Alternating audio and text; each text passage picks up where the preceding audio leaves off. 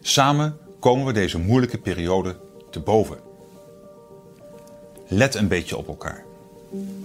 Ik reken op u. Meer dan 7 miljoen mensen hoorden premier Mark Rutte de speech houden die de rest van zijn leven in ieder overzicht terug gaat komen. We gaan niet op slot, maar het coronavirus moet zich gecontroleerd verspreiden. Hier wordt rustig doorgewerkt aan de weg, draaien de mensen in het OLVG bij mij in de straat overuren en heeft mijn vriendin een brief ontvangen van de RIVM waarin staat dat ze in contact is geweest met iemand die het virus draagt. In Achter het verhaal ga ik, Kevin Goes, de komende tijd dagelijks in gesprek met verslaggevers, redacteuren en andere medewerkers van onze krant. Met politiek verslaggever Peter Winterman praat ik over de reacties op de toespraak van de premier. Cabaretier en presentator Jore Rienstra zit noodgedwongen thuis omdat al haar klussen afgezegd zijn. En de UEFA heeft besloten dat het EK voetbal naar 2021 verplaatst wordt. En daarover heb ik contact met voetbalverslaggever Maarten Wijfels. We beginnen met politiek verslaggever Peter Winterman, die voor ons de toespraak van Mark Rutte heeft geanalyseerd. Ja, wat je zag is dat uh, Mark Rutte heel erg uh, zich als een staatsman presenteerde. Hij was rustig, hij keek serieus de camera in. Dit keer geen grapjes hè, en frivoliteiten zoals hij in het verleden wel vaak had. Vorige week was nog dat handenschudmoment hè, waar, waar hij een beetje mee in de mist ging. Maar dat lachte hij dan gewoon weg. Maar nu was het uh, ja, pure ernst, heel serieus. En uh, ja, dat straalde hij zeker uit uh, op televisie. Ja, um, dit was inderdaad een hele andere Mark Rutte dan, dan we gewend zijn. Um, dit was echt wel een, een premier, hè? veel meer dan dat hij normaal uitstraalt. Ja, dat kun je wel stellen. Um, hij, hij maakte indruk en dat zag je ook terug in de reacties van, van, van links tot rechts. ook oppositiepartijen waren echt lovend over hoe Rutte hier het volk toesprak. Het was een soort uh, nuchtere boodschap en toch ook uh, in zekere zin optimistisch. Uh, het, hij bracht natuurlijk slecht nieuws. Een groot deel van Nederland zal besmet raken met het coronavirus. Dat is ook een bewuste strategie van het kabinet. Uh, en, maar toch zegt hij, we komen het te boven. En dat was ook waar, waar hij dus toespraak mee eindigde. We gaan dit redden met z'n allen. Um, laten we een beetje op elkaar letten um, en uh, het kabinet zal er voor u zijn. Dus dat was een indrukwekkende boodschap en dat vonden ook uh, de oppositiepartijen in de Tweede Kamer en de coalitiepartijen natuurlijk. Ja, laten we, laten we even inderdaad over, eerst over uh, die vorm en daarna over de inhoud. die vorm, daar, kreeg hij dus heel veel lovende kritieken op.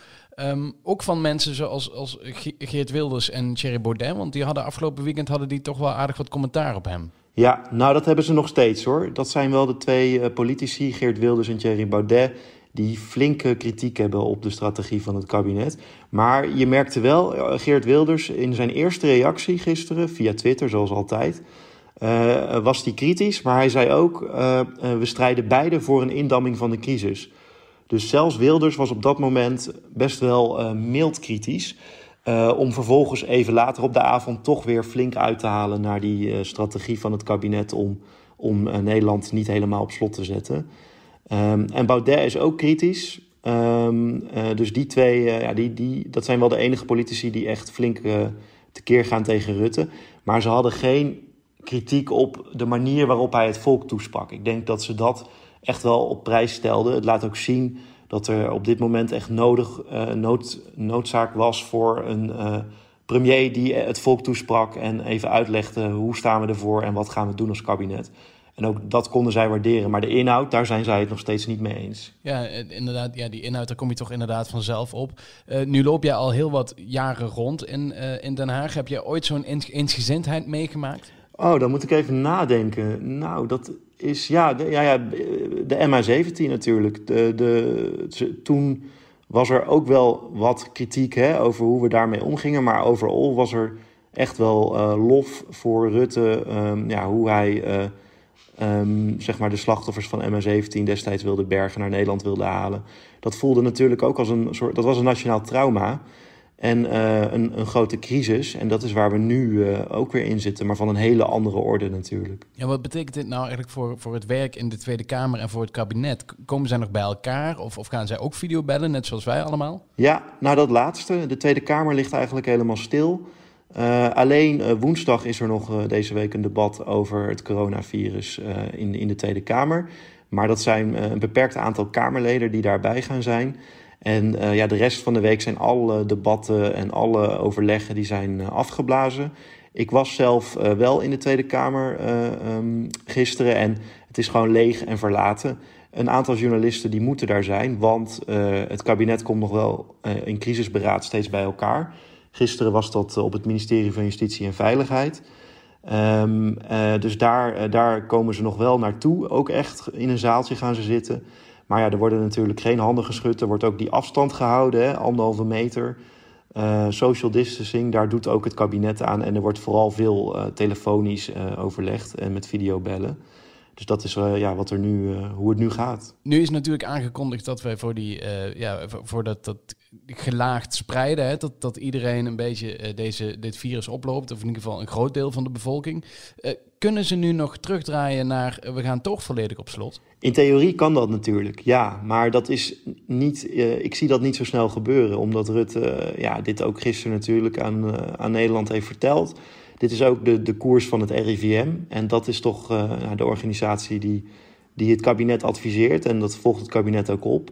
En ik denk ook niet dat dat nu gaat gebeuren, ook vanwege het feit dat uh, een breed, brede coalitie in de Tweede Kamer het wel uh, eens is met de koers die Rutte nu inslaat. Of heeft ingeslagen. Alleen dus de rechtse partijen, Thierry Baudet en Geert Wilders, die zijn daar tegen. Die pleiten wel voor een lockdown. En die wijzen ook wel echt naar Frankrijk hè, en Italië. Um, maar ook in Duitsland, waar de, de maatregelen toch verder lijken te gaan dan nu in Nederland. Um, dat zijn partijen die ook grenscontroles willen. Um, maar goed, en zij vinden ook het risicovol dat Nederland niet voor een lockdown gaat.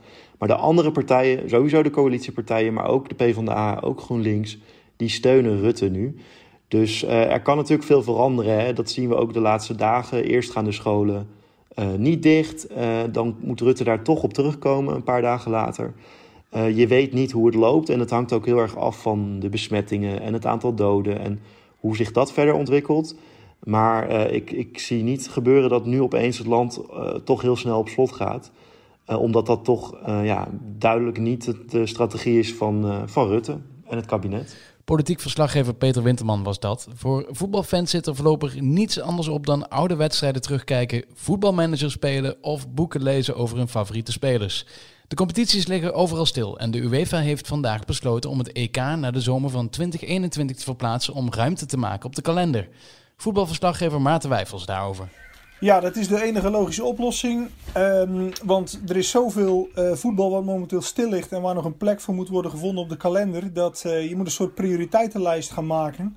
En ja, de nationale competities, ja, die moeten simpelweg afgerond kunnen worden om volgend seizoen hè, bijvoorbeeld een kampioen aan te kunnen wijzen die Europa League of Champions League gaat spelen. En ploegen die Europa League gaan spelen.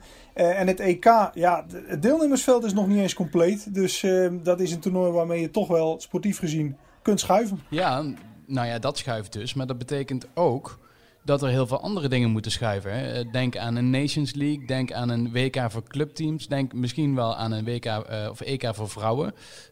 Wat betekent dat voor die toernooien? Ja, die moeten dan inderdaad, daar moet inderdaad een aanpassing op komen. Alleen bijvoorbeeld de Nations League, kijk, die is natuurlijk primair ingesteld om, uh, om van die, die, die, die, die brei aan, aan, aan, aan zinloze vriendschappelijke wedstrijden af te zijn. Um, je zou nog steeds wel een, een soort ja, een prijs kunnen hangen aan goed presteren in die Nations League. Um, maar daar moeten ze maar een beetje creatief mee omgaan. En um, ja, dat WK voor clubteams, ja, dat, dat is een evenement dat moet nog helemaal op poten worden gezet. Dus ja, daar is, uh, daar is denk ik toch ook wel een, een mouw aan te passen. Het zijn geen, het zijn geen um, het, zeg maar, toernooien die een, een, een diep gewortelde traditie hebben. Of waar, um, uh, ja, waar, waar ook heel veel van afhangt. Bijvoorbeeld deelname aan een, aan een, aan een dat er bijvoorbeeld zes tickets voor het WK in 2022 te verdienen zijn. Zo is het niet. Nu ben jij Oranje Watcher.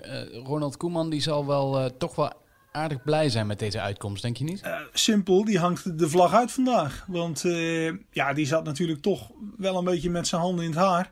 Als gewoon drie van jouw Ehm, ja, jouw creatieve uh, aanvallers, jouw, jouw spelers die een doelpunt kunnen maken, als die er niet zijn, of, of misschien met een, met een hele moeilijke race tegen de klok eventueel beschikbaar kunnen zijn, ja, dan is dat geen lekker begin. En ehm, het maakt voor het Nederlands zelf ook niet zoveel uit. 2020 zouden we een hele jonge, onervaren ploeg hebben die zijn eerste toernooi gaat spelen samen. Dat is in 2021 nog steeds zo. Alleen hebben ze een jaar langer ervaring. Dan speelt Frenkie de Jong een jaar langer bij Barcelona. Dan is Matthijs de Ligt weer een jaar langer bij Juventus. Ehm, ja, dan is misschien Ryan Babel de enige die dan 2021 wellicht niet zou halen. En de rest kan allemaal nog meedoen.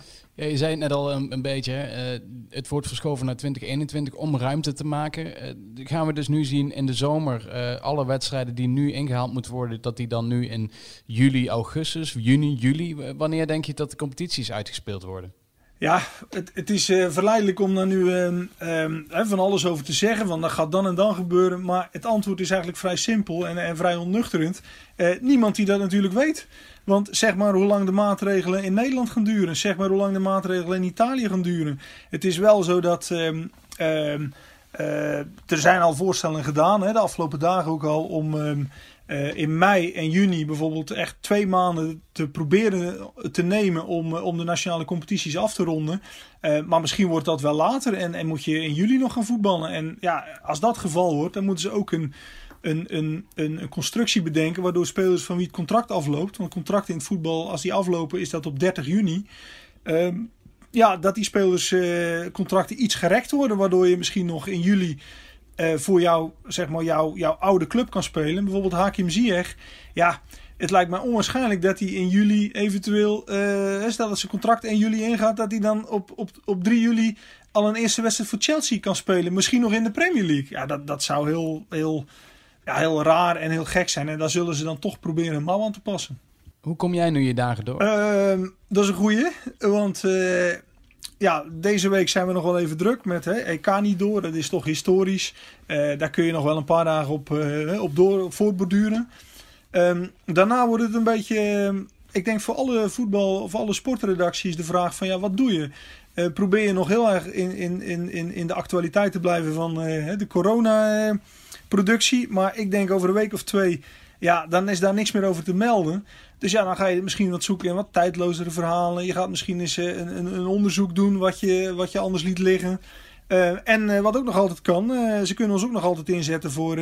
ik woon in Gouda. Nou ja, misschien is er in Gouda wel een actueel onderwerp wat, wat helemaal niets met voetbal te maken heeft. Gaan we de archeologie van, van, van, van, van, van de stad nog eens even doorspitten of zo, zoiets? Ja. En een boek over Philip Cocu? Of over Mark van Bommel? nou, ja. Nou ja, er zullen best mensen zijn die daar... Uh, die journalisten die daarom denken. Maar ja, dat, die, die, die, die plannen heb ik niet meteen. Maarten Wijfels van AD Sportwereld was dat. En dan... ZZP'ers in de entertainmentwereld worden hard getroffen door de maatregelen rondom het coronavirus. Alle shows zijn afgezegd, opnames van tv-series liggen stil en festivals staan op de tocht. Cabaretier en presentator Jorre Rienstra zit ook noodgedwongen thuis. Ik moet zeggen, dat is nu al een paar dagen zo dat ik dat weet. Dat mijn vooruitzicht dus eigenlijk niks is, geen werk. Uh, nu inmiddels ben ik er wel iets kalmer over. Maar het blijft heel raar natuurlijk. Ja, en dan zit je ook nog eens in het schuitje dat jouw vriendin eigenlijk hetzelfde vak uitoefent. Of in ieder geval ook uh, entertainer is en uh, in, in toneelstukken speelt. Ja, die heeft ook even niks te doen. Nee, inderdaad. Zij is actrice en ze had allemaal draaidagen staan en nog een voorstelling die in première zou gaan. En uh, dat gaat dus nu niet gebeuren. hoe doe je dat met z'n tweeën dan nu? Ja, op een houtje bijten. En, nou ja, kijk, als je dus freelancer bent, dan heb je wel altijd een soort buffertje opgebouwd. Voor het geval dat. Uh, en nu is het gewoon afwachten. We willen nu gewoon eerst de komende tijd doorkomen, zo gezond mogelijk. En dan moeten we daarna kijken hoe we het allemaal gaan doen. Ja. Nu heb jij ook uh, uh, een kleintje in huis, hè, die jullie met z'n tweeën hebben. Uh, die kan hierna kan die perfect lezen en schrijven, of hoe, hoe gaat dat? Ja, dat doet hij nu al, joh. Wat een kind in een paar dagen tijd al niet oppikt allemaal. Nee, ja, ik weet niet. We vermaken hem natuurlijk. Ik heb ook nog een zoon van zeven en die heeft wel huiswerk meegekregen. Dus af en toe doe ik hier een, thuis een lesje. Ja, nu zag ik in een van jouw Instagram-filmpjes die je maakte uh, dat jij nogal boos was op uh, Erik Wiebes. Die had bij WNL het een en ander gezegd over ZZP'ers, hè, dat ze er allemaal zelf voor gekozen hadden. Nu hadden we gisteravond de toespraak van, van Mark Rutte. Ben je iets gerustgesteld? Nou, um, ik had al voor de grap op mijn Instagram gezet, tenminste dat kwam voorbij, dat eh, Rutte zei natuurlijk dat we allemaal waarschijnlijk ziek zullen worden, of een groot deel van ons. En uh, toen had iemand als grap op Facebook uh, gezet, dat is de enige geruststelling. Het meeste wat Rutte tot nu toe heeft beloofd, komt nooit uit. Dus, nou ja, oftewel, als, als je ziek wordt, dan is dat ook niet zo. Maar gerustgesteld, ik, ik weet het nog niet het moet blijken. Ik, ik vertrouw het ook niet allemaal nog. Nee, en zeker in, in, in de sector waarin jullie werken, uh, de entertainment sector, die krijgt een enorme knauw door, door, door, door dit virus. Uh, komt daar iets van steun op gang of, of hebben jullie steun aan elkaar? Hoe, hoe, hoe, hebben jullie contact hierover? Onderling is er heel veel contact. Alles uh, wat openlijk wordt gedeeld, dat delen wij natuurlijk ook. Uh, er is dus onderling best wel veel contact over. En voor de rest moet je echt afwachten. Je kan niet anders. Het lastige van dit vak is gewoon dat, in mijn geval bijvoorbeeld, ik ben theatermaker, maar ik presenteer ook. Uh, ja, de meeste dingen gaan natuurlijk niet door. Dus uh, hopelijk snel weer bij het AD natuurlijk. Ja, en, en hopelijk een paar extra snabbels uh, als het voorbij gevlogen is. Ja, nee, dan moet je natuurlijk een enorme inhaalslag gaan maken maar ja, ik vraag me dus echt af vanaf wanneer uh, voorstellingen weer doorgaan en zo. En de eerste paar dagen was ik er ook wel in paniek over. Maar nu ik al die berichten ook lees over dat zorgpersoneel, dat overuren draait, mensen die het veel zwaarder hebben nog, dan denk je ook wel van ja, oké, wat heb ik uiteindelijk echt nodig in het leven? Eten, mijn kinderen en mijn vriendin. En die heb je gelukkig nu heel dichtbij je. Ja, Kevin, uh, we zitten op elkaars lip. ja, het is wel le lekker rustig eindelijk in Amsterdam, hè? Zo, ik moet de hele tijd denken aan dat liedje van Ramses Shaffi. Het is stil in Amsterdam, de mensen zijn gaan slapen. Oeh. De auto's en de fietsen zijn levenloze dingen. Nou ja, weet je, dat is eigenlijk gewoon de situatie nu. Het is stil in Amsterdam de mensen zijn gaan slapen. Mm -hmm.